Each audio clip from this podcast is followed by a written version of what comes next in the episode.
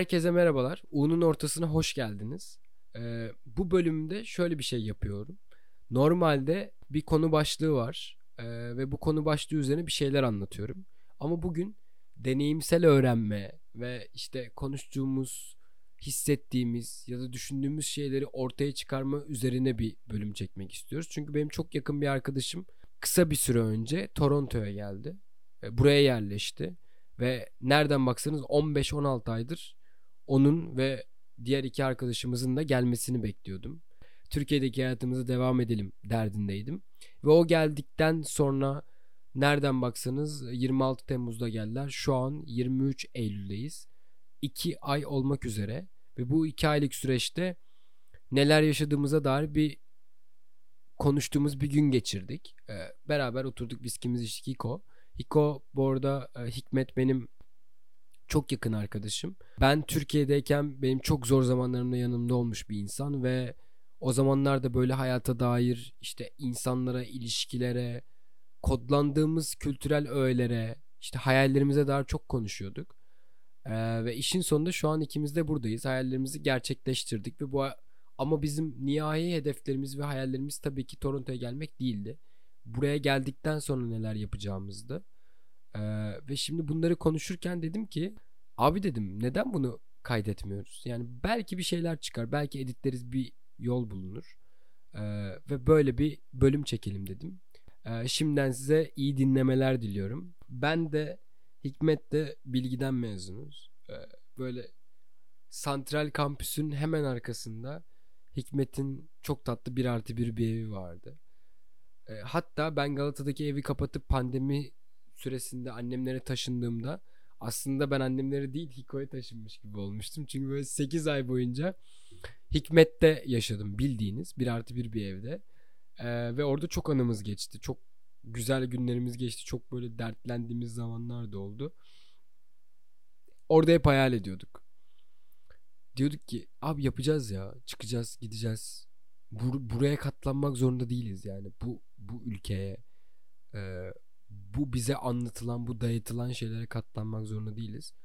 E, doğru bildiğiniz şeylerin doğru olmadığını anlıyorsunuz ve bu biraz sizi şaşkınlığa uğratıyor. Türkiye'de bakkala giderken bile koşa koşa gidiyoruz. Yani burada sabırlı olmayı öğretiyor insana biraz. Bu beni biraz bir tık sinir etmiyor değil ama alışacağız herhalde. Göreceğiz zamanla. Bize bir şeyler öğretilmiş ve o şeyler doğru değilmiş ya. Ya değilmiş yani anladın mı? Ya da şöyle söyleyeyim.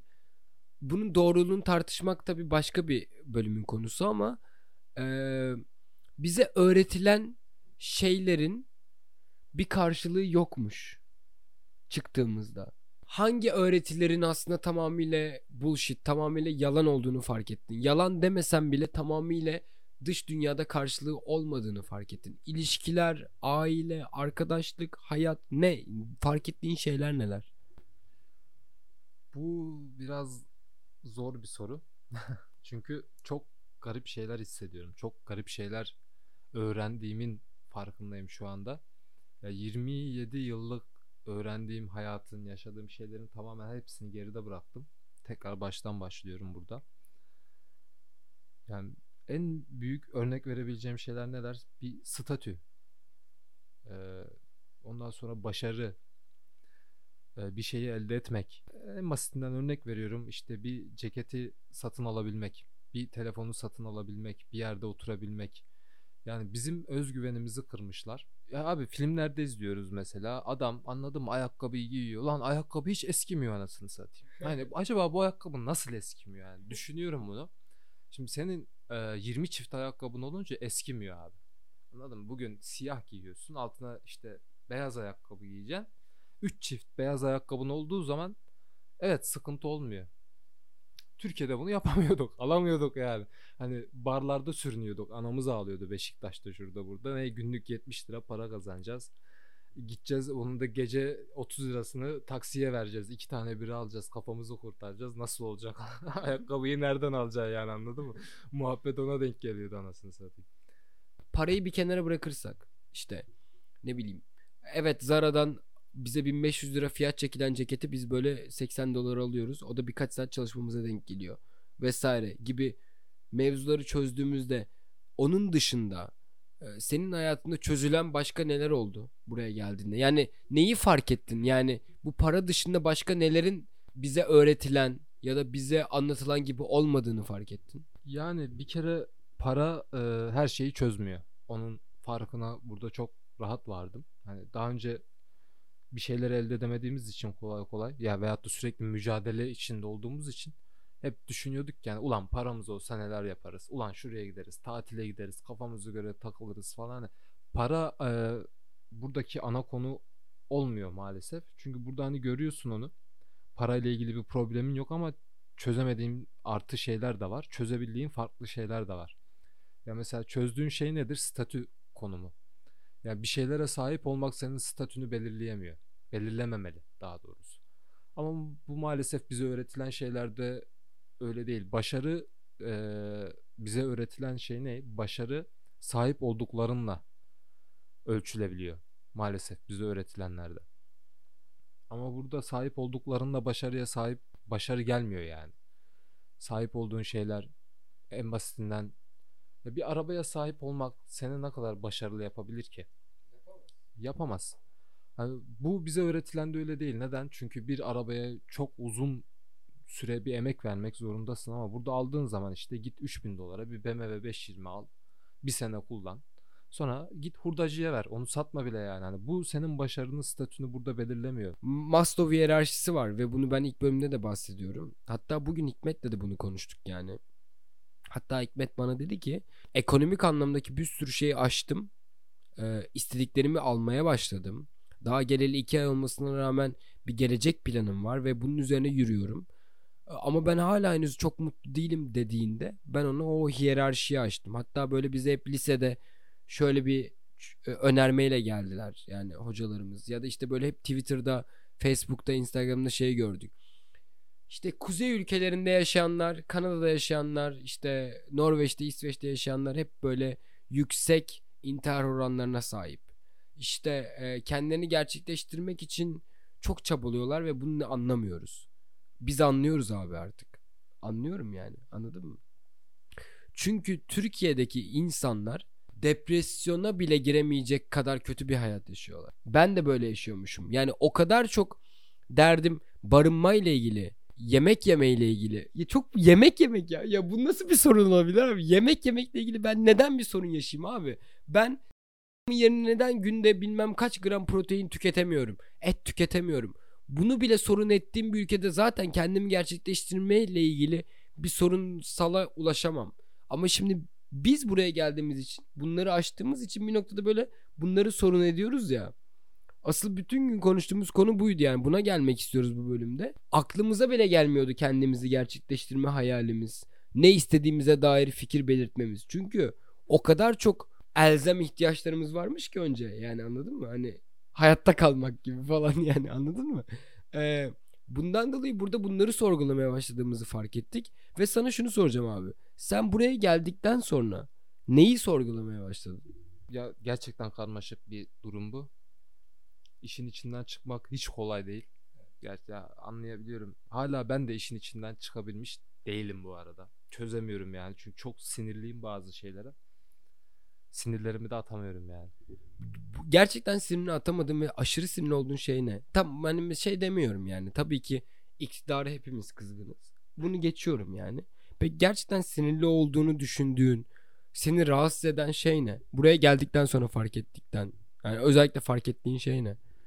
Yani sadece iktidara değil ben muhalefete de kızgınım. Ayrıca bunu eklemek istiyorum yani. Ee, sinirli olduğum şey ne biliyor musun? Ben bir işçi çocuğuyum. İşte bir devlette çalışan bir işçinin çocuğuyum. Ee, ve burada o statüyü karşılaştırıyorum. Şimdi e, sürekli Toronto'nun içinde aktif olduğum için gün içinde belki 5 saat 6 saat hani bir ucundan bir ucuna sürekli sipariş dağıtıyorum ve gördüğüm bazı şeyler var. Bunlar nelerdir? İnsanların statüleri, evleri, arabaları, yaşadıkları hayat, işte mutlu olma şekilleri falan. Ve buna baktığım zaman gördüğüm şey bir işçinin burada sahip olabildikleriyle orada sahip olabildikleri arasında Türkiye'de sahip olabildikleri arasında çok büyük bir uçurum var. 27 yıl yani bir ömür koskoca bir ömrü bir işçinin çocuğu olarak heba etmişim. Aileme kesinlikle kızgın değilim. Çevremdeki insanlara kesinlikle kızgın değilim. Ama bana yalan söyledikleri için çok kızgınım. Yani bunu aşamıyorum, bunu çözemiyorum. Neden? Ben de güzel bir eve sahip olabilirdim ailemle beraber. Benim ailem de mutlu olabilirdi.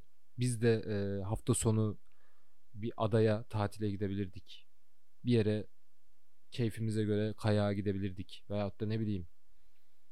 Ya her şey daha güzel olabilirdi anladın mı? Oturduğumuz evde hiçbir şey yapamasak işte arka bahçemizde bir e, kadar bir binanın içinde tıkılı kalmaktansa çıkıp arka bahçemizde barbekü yapabilirdik. Veyahut da işte dangalak komşularınla muhatap olmak yerine müstakil bir evde, kendi bahçende, garajın olan keyif alabileceğim bir yerde yaşayabilirdik ki benim e, ailem böyle bir aile.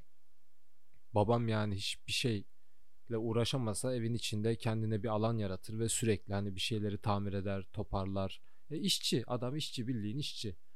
Ve buradaki statüleri görüp insanların yaşadığı hayatı gördükten sonra benim yaşadığım hayatla karşılaştırınca insan fark ediyor ki sana yalan söylüyorlar. Tamamen yalan. Kim söylüyor? Yani yalanı söyleyen kim? Ailen mi? Arkadaşların mı? Devlet mi? Kim sana bu yalanı kim söylüyor ne nasıl bir yalan söylüyor? Bu yalan bize maalesef kültürümüzden gelen bir şey. Ben suçu şahsen yani hani ne iktidara ne muhalefete ne bulmuyorum abi. Bu, bu, bu insanların suçu değil bu. Bu yalanı bize söyleyen kültürümüz. Başka hiçbir şey değil yani. Senin bireysel hayallerin yok. Bireysel hayallerini yok saydığımız bir kültürden geliyoruz. Bizim bireysel hayallerimiz olamaz. Neden? Çünkü e, şu, bana mesela şöyle bir feedback, şöyle bir geri bildirim gelmişti. Ben 16. ayımdaydım. Ee, yani Kanada'dan döndüm Türkiye'ye. Çanakkale'ye gittim. Benim ben Çanakkale'liyim. Çanakkale'ye gittim. Akrabalarımı göreceğim. Gördüm işte anneannemi, babaannemi vesaire işte amcalarımı, teyzelerimi gördüm. Oradan bir komşumuzun biri geldi. E, ve böyle kahvaltı ediyoruz. Büyük bir kahvaltı yani böyle kalabalık bir kahvaltı ek, şey yani ekibi. Kadın dedi ki hani ya Berkant dedi çok hani iyi gözüküyor. Nasıl her şey yolunda mı falan. Ben dedim ya evet dedim her şey yolunda işte e, ekonomik anlamda iyi gidiyorum. İşte e, oturum izni almaya çalışıyorum. Okulumu bitirdim. Yeni bir okula başlayacağım. Birkaç hayalim var onları gerçekleştireceğim. Kadın bana ne dedi biliyor musun Niko? Ya bre dedi sen bunları yapıyorsun dedi. Yok var mı dedi bir bir kız var mı hayatında yaptı böyle tamam mı? Dedim ki yok. Yani yok yani henüz yani şu an yok. Ee, yeni bitmiş bir ilişkinin içindeyim yok yani hani bir şey. Ya dedi sen bunları yapıyorsan ya bir anlamı yok ya dedi. Sen bunları yaptıktan sonra dedi aile kurmadıktan sonra sen bunları yapsan ne olur yapmasan ne olur dedi. Asıl problem şimdi burada yani illa bir aile kurmak mı abi? Yani başarı evlenip çocuk sahibi olup sonra o çocuğun hayatını mahvetmek mi anasını satayım ben bunu anlamıyorum. Ama daha kendini bulamamışken, kendi istediklerini yapamamışken yani o başarıya ulaşamamışken evlenip çocuk sahibi olmak sence doğru bir şey mi? Ya bana sorarsan şöyle e, değil. Bu arada şuna inanıyorum. Onu söyleyeyim. Evliliğin çok özel bir şey olduğunu inanıyorum. Dediğim gibi bu arada arkadaşlar bu bölüm tamamıyla böyle bizim Hikmet ve benim tamamıyla sizinle konuşmak istediğimiz bölüm. Ya benim yaşadığım ve benim edindiğim kültürde şunu gördüm ben. Bireysellik hoş karşılanmıyor. Sen birey olarak istersen bak istersen Kanada'da Kanada'nın en iyi şirketinde direktör ol. Tamam mı? İşte ne bileyim Uber Eats'in Asya direktörü ol tamam mı? Ya da işte Tesla'nın e, Türkiye dijital pazarlama müdürü ol. Fark etmez. İnsanların ilk baktığı şey şey oluyor. Yalnız mısın değil misin? Sen bunları yapıyorsun ama yalnızsan nasıl mutlu olacaksın ki? Hayır ben yalnızken mutlu olabilirim. İşte Kanada buraya gelen insanlara bunu öğretiyor. Yalnızlığından da mutlu olabileceğini öğretiyor. Zaten kültür şoku burada başlıyor. Çünkü Türkiye gibi ülkelerde ya biz de sonuçta Orta Doğu'ya dahil olan bir ülkeyiz yani. Orta Doğu Balkanların en çalkantılı ülkesi olarak e, bizim için aile, e, sosyallik çok önemli. Ve bize hep şu öğretilmiş. Başarılı olmanın anahtarı yalnız olmamaktan geçiyor. Ve bence çoğu gencimiz bu noktada hata yaptığı için kendi hayallerinden vazgeçiyorlar. Bak çok ciddi söylüyorum.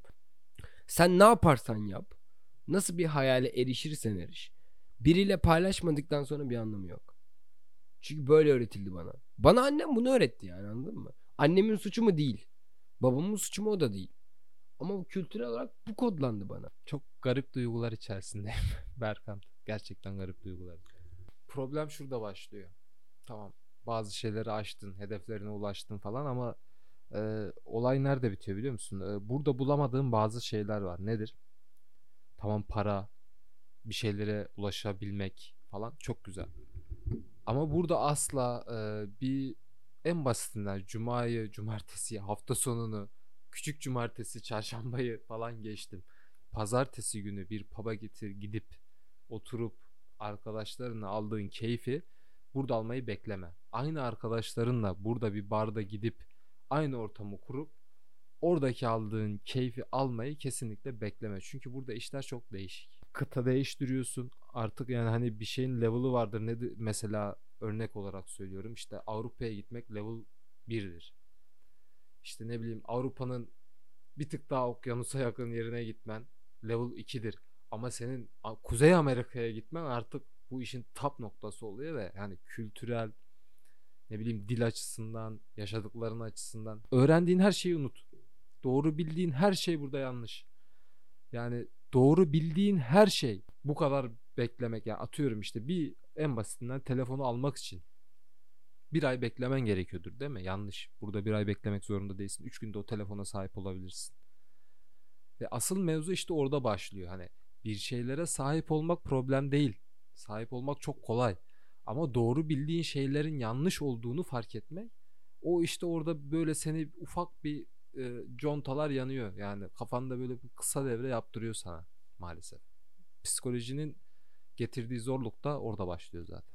Ben Türkiye'de 27 yıl boyunca bir hayat yaşadım. Yalanmış abi. Yalanmış yani diyorsun. Bana öğretilenler yalanmış, gördüklerim yalanmış. Dünyada bambaşka bir hayat varmış. Sen benim çok yakın bir arkadaşım olarak e, Sivas'ta emekçi bir ailenin Bilgi Üniversitesi'nde havacılık okumuş bir çocuğu olarak e, evet tamam Sivas'tan İstanbul'a geldin e, ve orada tek başına bir hayat kurdun ve bir noktada üniversiteyi bitirdin. Ama buraya geldiğinde contan yandı. Ya sen Sivas'tan İstanbul'a geldiğinde contan yanmadı da İstanbul'dan Kanada'ya geldiğinde contan yandı diyorsun ya. Senin contaların ne yaktı tam olarak? Bana bunu bir söylesene. Statü. Nasıl? Tamamen statüyle alakalı. Yani okey ya Türkiye'de yani nerede olduğun fark etmiyor. Hayatı bir şekilde bir yerde yaşıyorsun okey. Statü nerede geliyor biliyor musunuz? Yani aklınıza böyle bir e, kıvılcım çakıyor. Farkına vardığın şey e, bir şeye sahip olmak olmak size statü getirmiyormuş.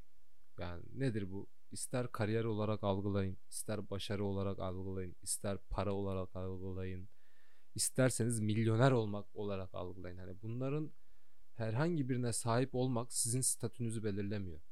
Hani bunlara sahip olabilmek düşündüğümüz kadar zor değil. Ya en basitinden ben işte geçen yaz mezun oldum okuldan. Daha öncesinde çok yani ikinci üniversitemdi İstanbul'da okuduğum üniversite benim. Ya çaba, çaba, çaba, emek, emek, emek, para, para, para. Sürekli kendinizden bir şey vermek zorundasınız. Sürekli. Ve bunlar size statüyü getiriyor. Yalan. Böyle bir şey yok. İşte burada sizin contan yanıyor. Burada contan yanıyor çünkü burada kuryeyken bile bir şeylere sahip olabiliyorsun. Okul okumak zorunda değilsin. Para harcamak zorunda değilsin. Emek vermek zorunda değilsin. Sadece ihtiyacın olan 2000 dolarlık ki dolar olarak bunu hesapladığınız zaman Türk lirasında evet yine belli bir paraya tekabül ediyor ama hani 2000 lira Türkiye'de neyse 2000 dolar burada da o. 2000 dolara bir bisiklet 50 dolara bir çanta aylık 3000-4000 dolara dolarlık bir gelire sahip olabilirsiniz. Yani bu statüyü getiren şey ne? Para değil. Çünkü burada bunu öğrendim. Yani para size statü getirmiyor. Emek desen o da değil. Burada verdiğim emeğin 10 katını ben çok daha farklı işlerde verdim. Ya burada conta yanıyor. Yani hani henüz bunu ben de bulamadım. Bulunca söz söyleyeceğim. bir daha yapacağız bunu. Paranın mevzu olmadığını ya da iPhone 14 almanın aslında hiçbir başarı olmadığını, bireysel olarak da başka bir şeyler yapabileceğimizi, işte ilişkilerle ilgili bize öğretilen her şeyin yalan olduğunu fark ettiğimizi anladık. Yani bunu söylüyoruz zaten. Canını acıtan bir şey oldu mu burada? Yani gerçekten benim canım çok acıdı ya. Bunu, bunu keşke öğrenmeseydim dediğim bir şey oldu mu? Canımı acıtan ne oldu? İlişkilerle ilgili yaşadığım problemler diyebilirim. Ee, çünkü maalesef gördüğümüzden mi artık yediğimizden içtiğimizden mi bilmiyorum ama bazı durumlar oluşuyor yani ilişkilerle ilgili yaşadığımız. Orada yaşadığım problemler e, canımı sıktı. Evet çünkü nedir örnek olarak? Yani bir hatunla tanışırsın atıyorum. Mesela bu başıma da geldi bu arada atmıyorum. Ee, ya gideceğin yerde mesela hatunla date'e çıkmak istiyorsun. Bir akşam yemeğine çıkartacaksın. Nereye? İstanbul'da Boğaz kenarında güzel bir yere balık rakı balığa gideceksin. Biliyorsun o gün senin cebinden bin lira çıkacak en az. Sen işte ilişkiye önem vermişsin. Yani onu o kıvama getirebilmek için bir çaba, bir zaman harcamışsın. Her şey tamam. Ama sen o hatunu date çıkaracağın zaman cebinde verecek bin liran yoksa maalesef adam değilsin. Türkiye'de. Bana göre tabii bu çok farklı yorumlanıyor ama hani genel olan görüşü söylüyorum ben. Ama işler burada değişiyor işte öyle olmuyor arkadaşlar yani. Hikmet'in söylediğine ek olarak yani burada ekonomik anlamda başarılı olmak tabii yani tabii ki dünyanın her ülkesinde olduğu gibi burada da o çok önemli ama şeyi fark ediyorsunuz. İnsanların statüleri maddi anlamdaki gelirlerinin yakınlığı çok normal olduğu için Türkiye gibi ya ben date gitme ne kadar harcarım ne yaparım gibi bir derdiniz olmuyor. Ee, o yüzden de Türkiye'de gerçekten size öğretilen her şeyin hayal olduğunu ya da böyle yalan olduğunun farkına varmak size çok büyük bir hayal kırıklığı yaşatıyor. Ya çok büyük bir hayal kırıklığı yaşatıyor. Yani e, ve bunu biz şey olarak söylüyoruz yani yani İstanbul'da yaşamış e, üniversite hayatlarında Bilgi Üniversitesi'nde geçirmiş iki adam olarak söylüyoruz. Gerçekten yalan söylenmiş ya bize. Harbiden yalan söylenmiş. Biz çok uğraşmışız. Gereksiz uğraşmışız. Kendimle niye uğraşmıyormuşum? Sivas'ta doğdum. Kayseri'de büyüdüm. Erciyes Dağı var biliyorsun. Hani Türkiye'nin en ünlü kayak merkezlerinden birisi. 20 yıl Kayseri'de yaşadım. O kayak kursuna gitmedim. Gidemedim. İşçi çocuğuydum abi nasıl gideceğim yani anladın mı? Yok. Buraya Temmuz 26'da geldin ve şu an Eylül ayındayız. Ve Aralık ayındaki kayak kursuna kayıt yaptırdık. Geçen hafta. Ya çok komik değil mi? Yani hani ve şey kayak biliyor musun daha önce yani yaptın mı? Erciyes evime yarım saat. Yemin ederim yapmadım. Bir kere gittim kızakla kaydık. 5 liraya kiralamıştık kıza. O kadar. İşte mevzu da bu ya zaten. Hani kendimizi nasıl seveceğimizi öğretilmemiş ki bize. Yani ben mesela bir insan olarak kayak yapmayı sevmediğimi ben snowboard'da çok büyük zevk aldığımı buraya geldiğimde fark ettim. Çünkü neden biliyor musun? Burada bir tercih edebildim anladın mı? Dedim ki board mu yapayım kayak mı yapayım? Çok büyük keyif aldığımı ve bununla ilgili eğitim alıp çok iyi bir yere gelebileceğimi fark ettim. Ve geçen kış gerçekten bununla ilgili küçük bir eğitim alıp sonrasında board yaparken ne kadar zevk alabildiğimi fark ettim. Ya işte olay bu. Bireysel olarak çok büyük zevk aldım. Korkunç zevk aldım ve kışın gelmesini bekliyorum. Belki iki ay boyunca hafta sonları gidip board yapacağım. Ve sen bana diyorsun ki Kayserili bir adam olarak Erciyes'te hiç kaymadım. Ve adam burada daha kış gelmeden 3 ay önce kayak eğitimine kayıt oldu. Arkadaşlar mevzu bu tam olarak. Size anlatmaya çalıştığımız, saatlerdir konuşmaya çalıştığımız şey bu. İşin önemli olan noktası e, bu tür şeylerin ne kadar ulaşılabilir olduğu ve bize ne kadar ulaşılmaz olarak gösterildiği. Yani bahsetmek istediğimiz şey sadece bu. Ben Türkiye'den bir sürü şey riske edip Kanada'ya geldim. Ya burada ne olsa Türkiye'ye dönerdin. Ne değilse Türkiye'ye dönerdin. Ya da Türkiye'ye dönmek istiyor musun? Göçmen olmanın en kötü yanı artık evin olarak gördüğün yer evin değil. Bulunduğun yer de evin değil. Yani Ben Türkiye'ye dönsem dönemem. Yapamam çünkü. Burada kalsam ne olacak onu bilmiyorum. Henüz daha çok yeniyim. Planladığım gibi gidecek mi her şeyi bilmiyorum ama göçmenlik herhalde bu. Seni dinleyen bir insana bir tavsiye verecek olsan ne derdin? Gerçekten soruyorum bunu. Ne derdin? Realist olun. Gerçekleri bilin, ona göre hareket edin. Yani sizin bir yerden bir yere taşınmanız için gereken şey herhangi bir e, maddesel bir durum olmasın. Nerede mutluysanız oraya gidin. Gittiğiniz yerde mutlu değil misiniz? O zaman yine yer değiştirin. Ya peki bir şey söyleyeceğim. Senin Türkiye'de maddesel durum dışında mutlu olmadığın bir olay var mıydı? Yani nedir? Para dışında mutsuz muydun yine de? Bu yüzden mi geldin? Sen neden geldin abi? Madem madde yani tek mevzu para. Türkiye'de ben beyaz yakalı çalışan, kafasına göre takılan bir adamdım. Mevzu para değil. Bulunduğun yerde mutlu olamamak. Ya bu nedir? İnsanların sana getirdiği şey. Bakkala gittiğinde aldığın tepki. Sokağa çıktığında gördüğün tepki. Kız arkadaşının Taksim'de yürürken uğradığı taciz. Maalesef kötü insana odaklı bir yerde yaşadığımız için yani uğrayabileceğin taciz, kazıklanabilme ihtimali, dolandırılma ihtimalin, yolda yürürken birinin seni bıçaklama ihtimali, güvensizlik, maddi sorunlar bunların hepsi seni oradan zaten kaçırıyor. Geldiğin yerde bunlar yok ama burada da mutluluk yok.